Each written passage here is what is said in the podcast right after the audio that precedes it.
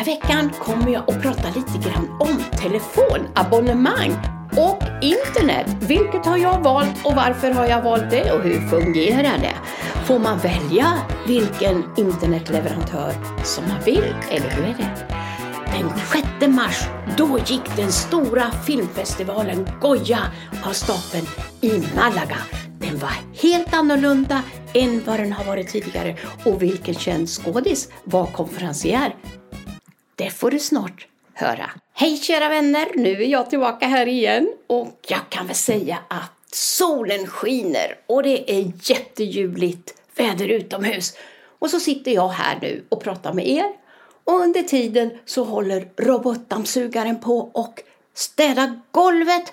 Han, eh, eller hon, eller hen, jag vet inte vad man säger, men håller nu på och både dammsuger och torkar samtidigt.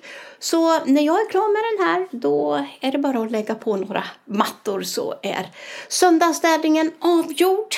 Eller avklarad heter det väl. När jag flyttade hit till Spanien, då hade jag ett eh, telefonabonnemang hos eh, Movistar. Det är eh, likvärdigt som Telia är i Sverige. Och det som jag tyckte var bra med Movistar det var när jag reste, till exempel i Sverige, jag var i Kroatien, var i lite olika länder. Så fick jag alltid direkt ett sms till spanska ambassaden, konsulatet, telefonnummer och vid akuta ärenden ring det här och så vidare. Vilket jag tyckte var en fantastiskt bra service. Eh, jag hade ju tur som slapp ringa upp ambassaden men det här är ju att de månar om sina medborgare. Så kände jag. Tyvärr var det ju så att här i Spanien så hade jag väldigt dålig täckning. Och om jag skulle ringa eller någon ringde till mig och jag var här inne så jag kunde inte använda telefonen. Jag var tvungen att vara ute i trädgården någonstans. Så det var lite jobbigt och jag var ju då tvungen att byta naturligtvis och då gick jag över till Vodafone och det har jag haft sedan dess fantastisk täckning var jag än är. Jag har aldrig något problem om jag är inomhus, utomhus eller var jag än befinner mig i Spanien. För jag har ju rest omkring ganska mycket här i Spanien också. Så det här gillar jag. Sen eh, har jag ett eh, eh abonnemang för fiber. Och eh, det har jag haft, eh, ja jag har bott här kanske ett halvår, åtta månader när jag bytte från ADSL till fiber, 100 megabit. Och det funkade tyckte jag jättebra för vi var ju vana med att ha fiber indragen i våra bostäder. Och sen här för ungefär ett år sedan då fick vi reda på att nu kan man få 600 megabit. Och det vill jag ju gärna ha, inte för jag vet direkt vad jag ska använda. Men jag tänker mig så här, en tittar på den tvn, en annan tittar på en annan tv, någon sitter och tittar på någon video någonstans på datorn och så vidare och så vidare jag måste ha så jag täcker upp för alla eventualiteter. Jag är väldigt nöjd med det. Abonnemangen är väldigt billiga tycker jag. Jag betalade förut 25 euro för 100 megabit och 35 för 600 megabit. Men man kan få andra internetleverantörer för eh, 25 euro för 600 megabit. Då i början när de startade med såna här optiska fibrer Eh, in till bostadsområden så vi har aldrig haft några installationsavgifter. Utan då var det givet att den operatören som hade dragit in fibern till urbanisationen, det var den man skulle ha och man fick inte ha något annat. Idag är det precis som i Sverige. Du får välja vilken som helst. Så nu håller, ja, jag vet inte, det finns säkert fyra, fem olika namn på leverantörer som drar fiber. Man ser människor sitter ute på gatan hela tiden, olika företag, för att utveckla sitt eh, fibernätverk till oss. Och då har jag blivit lite så här, ja, ska jag ha kvar den här leverantören eller inte? Tyvärr, trots att jag har 600 megabit, om jag tittar till exempel på eh, tv via den här boxen som jag har så blir det lite hackigt och inte pixlar sig men det blir lite hackigt och, och så försvinner bilden liksom genom att bara frysa. Och det där tycker jag är jättejobbigt och gillar inte.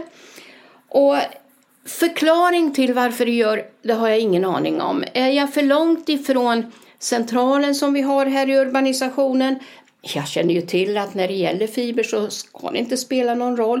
Men det har känts väldigt, väldigt jobbigt med det här och irriterande kan jag säga. Nu har en annan eh, leverantör dragit in till vår urbanisation och jag tänkte nu provar jag dem. Och då har jag tagit ett lite mer omfattande abonnemang med dem. Jag har två telefoner, en till mig och en till min son. Jag har fiber 600 megabit hemma och då får jag Netflix och något som heter Amazon. Jag fattar inte, vad är Amazon? Det går man ju och köper grejer, eller hur? Nej, men då är det ju så här. Amazon har någonting som heter Prime Video. Så då ingår det. Och då har jag köpt ett sånt paket, eller köpt, abonnerat på ett sånt paket. Och um, då får man både Netflix och den här Prime Video under två år.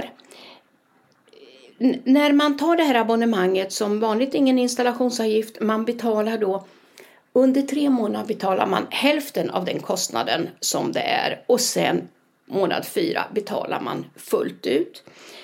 Eh, och när jag tittar på vad jag betalar för två mobilabonnemang och internet som jag har här idag så är det, skiljer det 10 euro på de här. Så jag tänkte nu slår jag till och tar det här.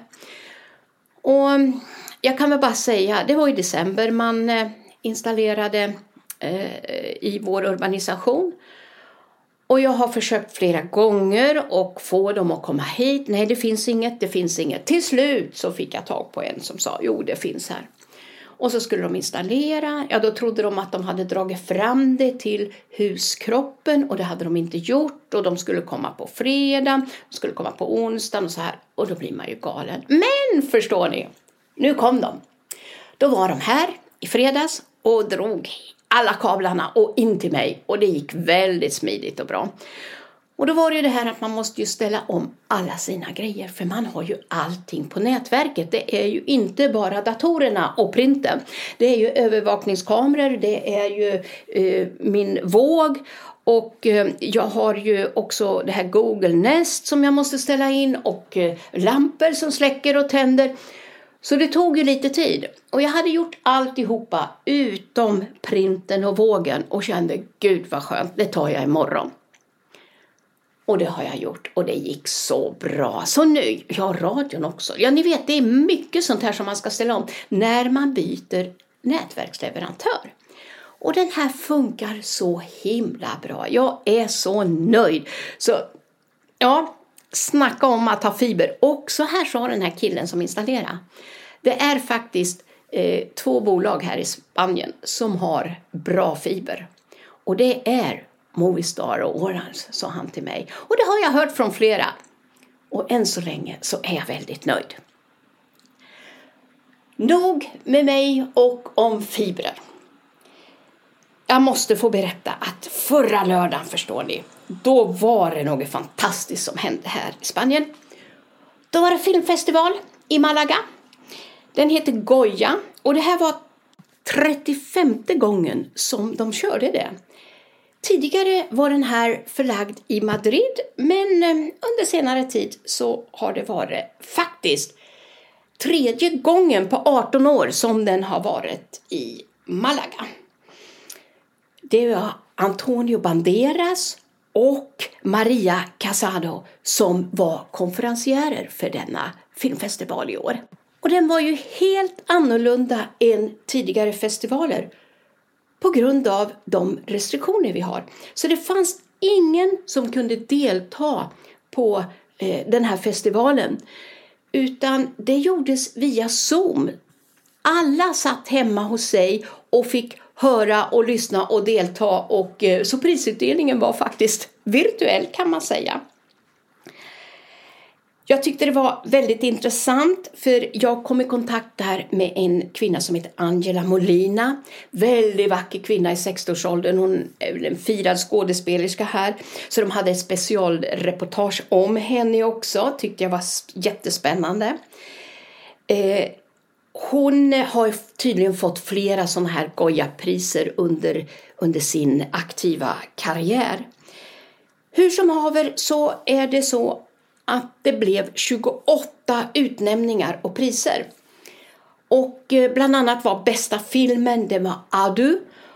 Och det är en eh, eh, regissör som heter Salvador Calvo som eh, fick motta det priset.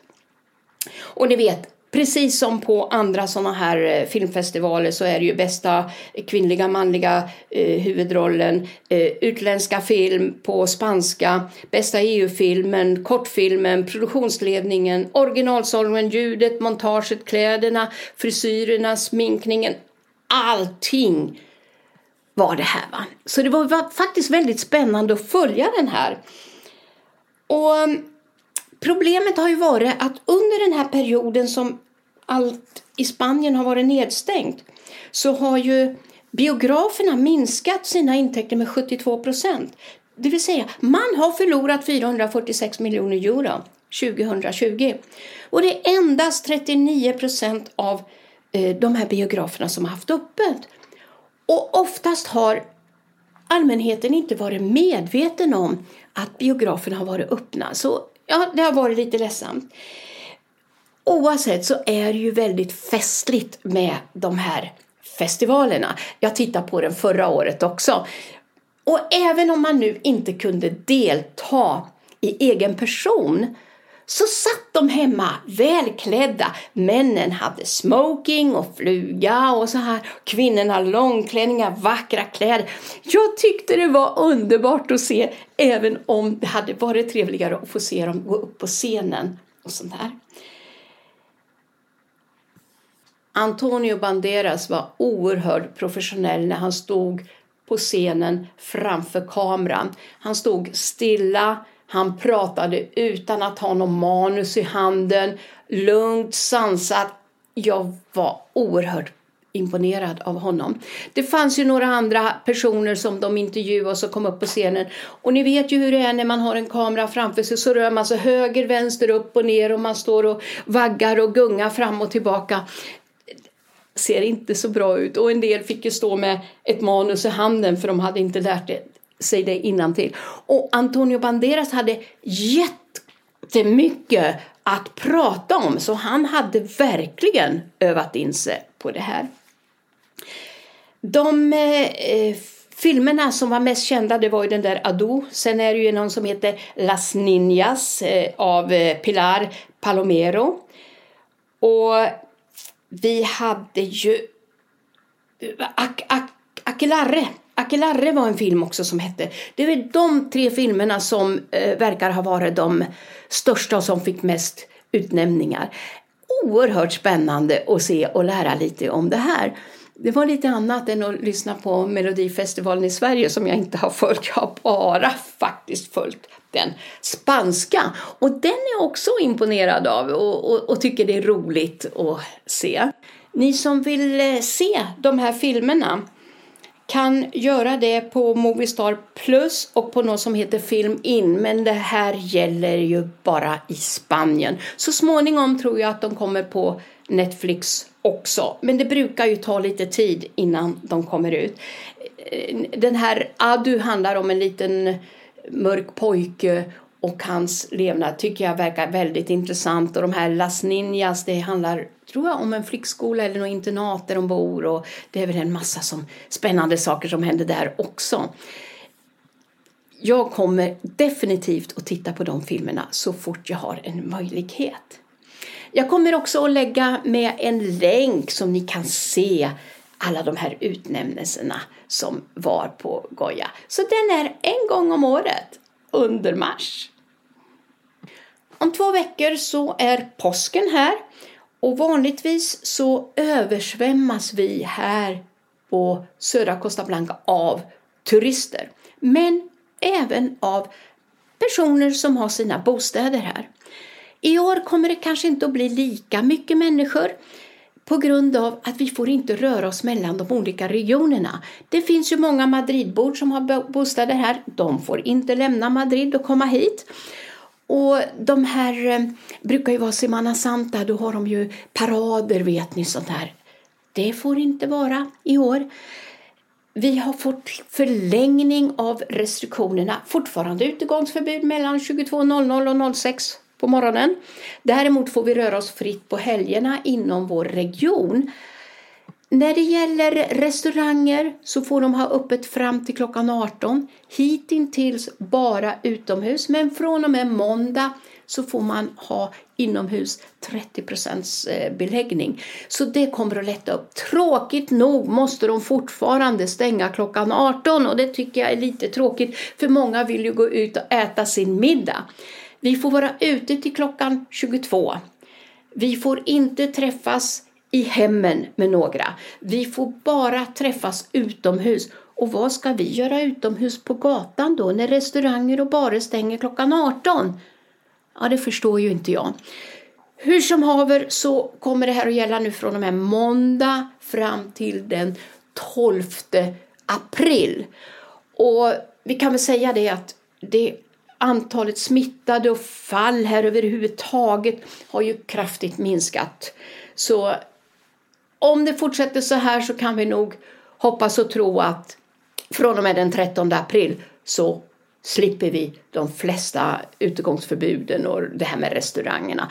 Dock ska vi veta att regeringen har ju lagt en sån här eh, plan fram till, jag tror det var 15 maj, så det kan innebära restriktioner ända till mitten av maj. Det vet vi ingenting om.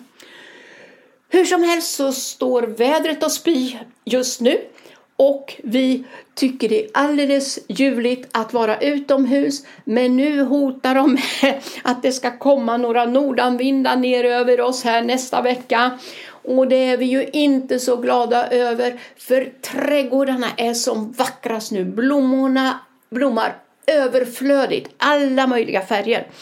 Och då vill man ju inte ha en massa regn eller hård blåst på dem. Va? Apelsinträdet, citron, limen full av knoppar och de doftar så underbart. Och jag har ju också ett aprikosträd som blommar i full utslaget och det är så ljuvligt. Trädgården är som vackrast den här tiden i mars och april. För sen börjar det bli lite för varmt för en del växter. Tack kära vänner för att ni lyssnar på mig. Jag önskar er en härlig underbar vecka och så hörs vi nästa vecka igen. Hej då!